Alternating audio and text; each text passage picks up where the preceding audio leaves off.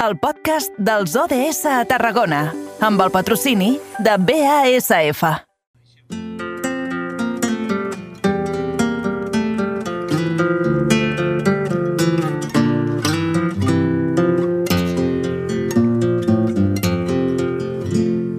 Lo meu riu és verd i blau i fa una curva suau quan creua la ribera. Omple de vida, camp d'arròs i l'albereda. Lo meu riu ve de molt lluny i porta dins del puny riqueses als meus peus. Gust de Cantàbria, gust de l'Aragó, sabor a pluja i Pirineu.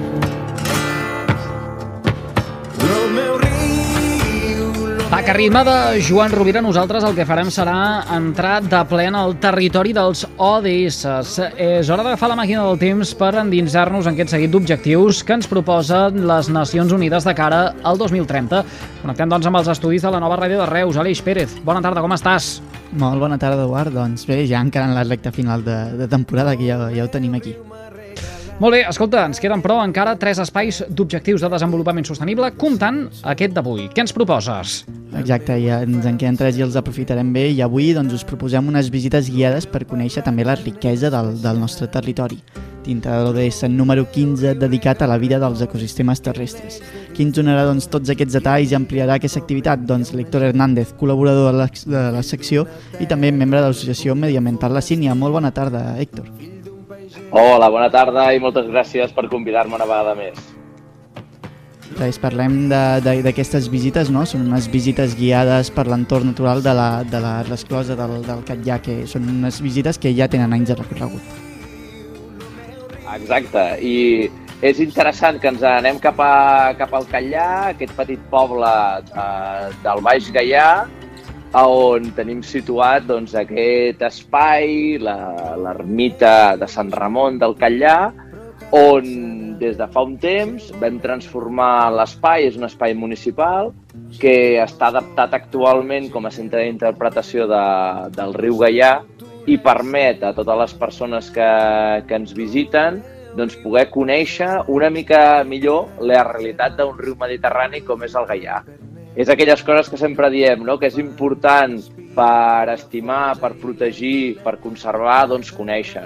I què millor que un petit espai com aquest perquè la gent que dona un tom per la comarca doncs s'aproximi i pugui conèixer bé la realitat d'un riu com el Gaià. Perquè quines en són les, les principals característiques? Què, què en destacaries? Per què es caracteritza aquest, aquest riu?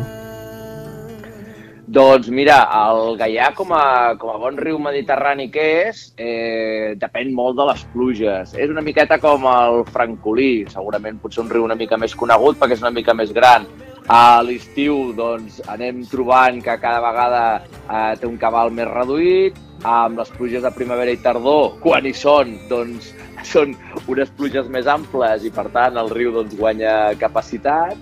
I a part d'això, doncs el Gaià cal que destaquem eh, petits retalls de bosc de ribera molt interessants que té des del seu naixement a Santa Coloma a Caral fins a Tamarit i tota una sèrie de seguit d'elements de fauna molt interessants, per exemple, per destacar-ne un, la tortuga de Rierol, que des de l'any 2006 ha retornat amb força al riu Gaià i si anem a fer un tomb pel riu i anem a donar un tomb, i fins i tot si venim aquí a la resclosa del Catllà, on tenim aquest centre d'interpretació on avui estem parlant, doncs si estem una estona allà badant i veient l'aigua del riu, doncs potser veurem una d'aquestes tortugues de Rierol com treu el cap, com surt de l'aigua, i com és un molt bon senyal de que a poc a poc aquests rius mediterranis que durant molts anys van estar castigats per la contaminació i de més, doncs poquet a poquet van recuperar la seva vida.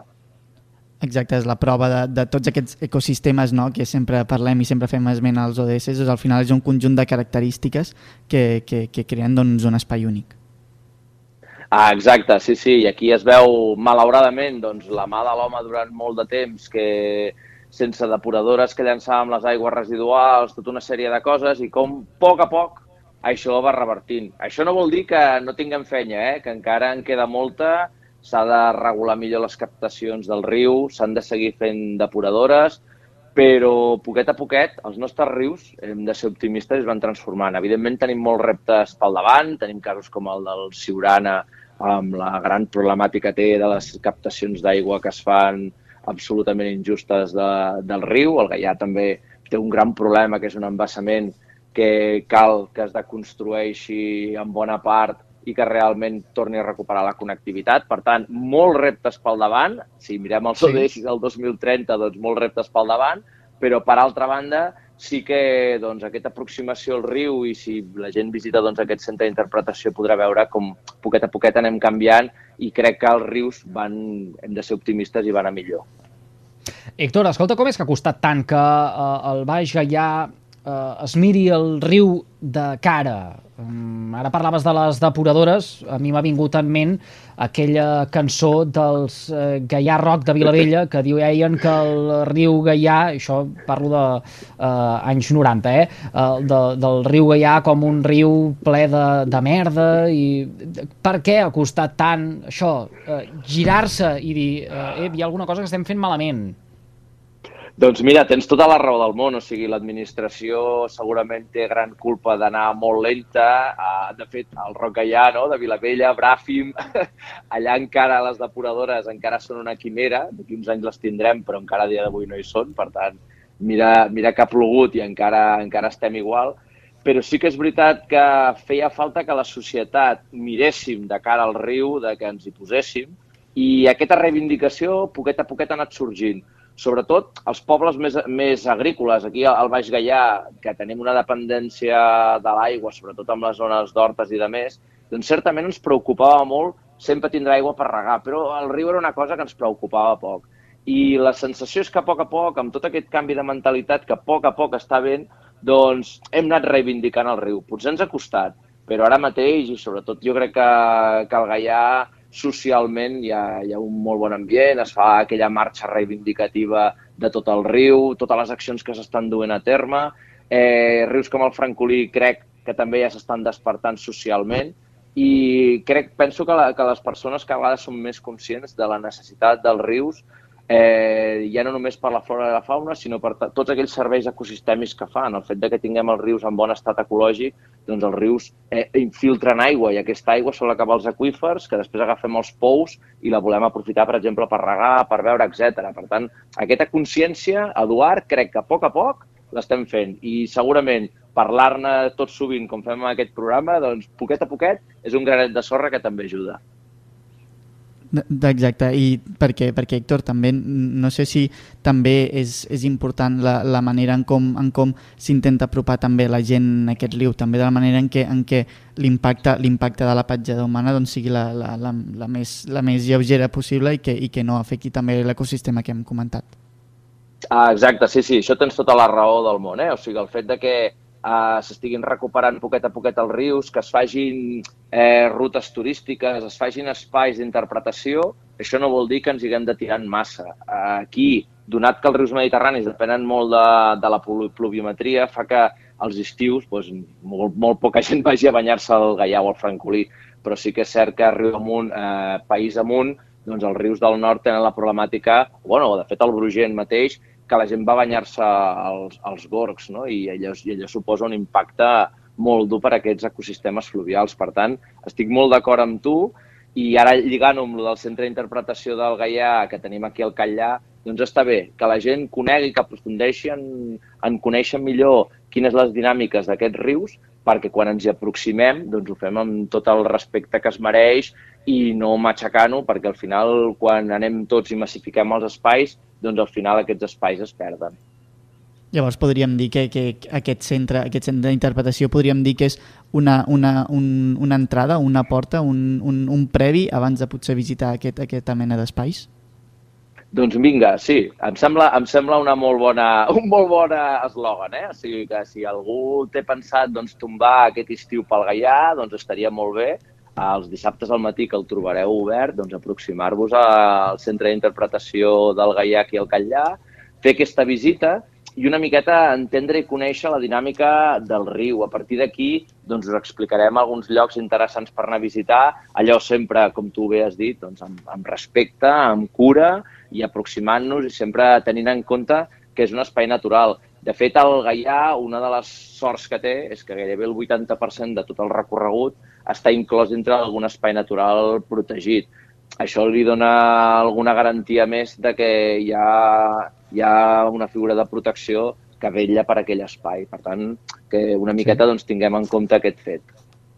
Héctor, què hi, què hi trobarem? O què hi trobarà el visitant en aquest uh, centre d'interpretació del riu? Uh, ara, uh, jo no, no ho diré bé, uh, i això tu ens uh, corregiràs, o em uh, corregiràs, més ben dit. Uh, com, com, com es diu allò? Aquella col·lecció de, de, de, de fustes de tots els arbres sí. i totes les espècies que, que hi ha a la conca del riu. Molt bé, sí senyor. Doncs mira, certament aquí hi ha l'espai aquest, el centre d'interpretació, que és un espai petit, modest, però que té ganes d'anar fent cosetes, doncs una de les coses curioses que es poden veure és aquesta col·lecció de fustes que ens va deixar en Joan Teruel i això es diu una xiloteca. I en aquesta xiloteca doncs, tenim un recull de tots els arbres i arbustos de, de la Conca del Gaià. Són talls de fusta que ens permeten observar per dins, el, el tall, el, el tronc, la, la tija, doncs per veure com, com és les, les diferències i, i lo diferents que poden ser un arbre d'un altre. A part de la xiloteca, hi ha una sèrie de plafons informatius sobre el riu Gaià, l'aigua i com baixa, i després hi ha tota una sèrie de maquetes, obra d'en Josep Saragossa, que ens expliquen com funciona eh, la fàbrica, el conjunt fabril que tenim a tocar de, del riu Gaià aquí al Catllà, que va tindre la seva importància en el seu moment, i doncs, que també ens ajuden a entendre una mica la dinàmica. I a partir de la setmana que ve, a part d'aquestes exposicions, també hi trobarem l'exposició de, del Ròdol viatjant pel Gaià, que ara ja el dilluns finalitza ja tota la seva excursió pel Gaià, ha anat a visitant a més de 18 poblacions de tota la conca del Gaià i finalment sí. arriba aquí, a, aquí al Catllà per complimentar tota aquesta informació, totes aquestes explicacions al voltant de, del riu. Hm. Escolta una cosa, eh, Héctor, diries que és una proposta de caire familiar? Ho dic perquè eh, qui més qui menys ara fa o farà eh, vacances, eh, la canalla mm, no va a l'escola, ja, sí que hi ha activitats, però seria una d'aquelles propostes que tu eh, destinaries o proposaries a famílies amb criatures? Oh, i tant, sí, sí, perfecte, totalment perfecte. Eh, és un molt bon lloc, el Catllà, tu també bé el coneixes, és un poblet simpàtic de, del Baix Gaià. A més, et permet, com el centre està dalt de tot d'una ermita, poder fer una petita excursió. Si deixeu el cotxe al Catllà, vas caminant fins a l'ermita, veus el centre, sobretot consulteu prèviament els horaris, perquè té uns horaris molt concrets, i després et permet baixar a baix a, a la resclosa, i a la resclosa a l'entorn del riu doncs, hi ha tot un camí, tot un sender de pujada i baixada fantàstic. Si aneu amb nens molt petitets, doncs fins i tot podeu portar les bicicletes i fer un tom fantàstic pel voltant. Si els porteu més grans, doncs caminant es pot fer tot el recorregut. Per tant, sí, sí, és una sortida matinal eh, perfecta, sobretot el que tu dius, per fer en família. També aquells excursionistes que a vegades aprofiten, miren Wikilog i fan tot un tom per sí. la contornada, doncs també d'aquests també en tenim uns quants que aprofiten i fan que l'excursió passi per algun bar a prop, esmorcen i després s'aturen aquí. O sigui que, per tant, pels excursionistes també és una molt bona mm. recomanació. Doncs mira, ens anotem la proposta i eh, emplacem a tothom que ens estigui escoltant ara mateix en directe en remissió o, o des del servei de Ràdio La Carta a, a fer parada aquest estiu. Per cert, el Catllà és molt maco, però eh, dintre de la bellesa dels municipis del Baix Gaià, Héctor, eh, hi trobem Salamó, vull dir que... eh, ara aquí cadascú es pitja cap a casa seva, jo es pitjaré cap a la Ribera de Gaià, eh? vull dir que tenim per triar i remenar, cap problema. Héctor Hernández, coordinador de l'Associació Medi Ambiental La Sínia, un plaer eh, conversar una vegada més amb tu en directe en aquest espai col·laboratiu de les emissores de la xarxa al nostre territori. I escolta, abans no t'acomiadem, molt agraïts aquesta temporada per eh, fer-nos confiança i des de l'Associació Mediambiental La Sínia, per per haver eh, pogut conversar amb, amb vosaltres eh, cada 15 dies, cada eh, 3 setmanes, eh, un cop al mes. Al final, donar a conèixer tota aquesta feinada que feu en benefici eh, del nostre patrimoni, en aquest cas doncs, del nostre patrimoni natural, del nostre entorn. Enhorabona per aquesta feinada que feu i molt agraïts per eh, haver confiat en Carrer Major a vosaltres per la confiança de, de poder donar-nos aquest punt de veu, de parlar de, del nostre entorn natural. Ja saps que nosaltres sempre disposats. I res, i gràcies i bon estiu, eh? Bon estiu, Víctor. Una abraçada ben forta. Vinga, una abraçada. Adéu. Clar, acomiadem a Víctor eh, perquè eh, acabem la temporada aquesta setmana nosaltres, eh? Divendres marxarem de... El programa marxarà de vacances. Després els redactors i els eh, professionals de eh, cada emissora mm, tindran més feina, menys, eh, alguns treballaran, d'altres ja tenen tot programat per marxar de viatge. En fi, que acabem temporada aquest divendres i aquests dies doncs ens anem acomiadant de tothom que eh, és veu habitual de carrer Major. Aleix, a tu t'acomiadarem el dia... T'acomiadarem, vull dir que et direm uh, bon estiu ah. i no que et farem fora el en directe. Divendres, però... Que vagi bé. Vagi bé, fins demà. Adéu, Eduard.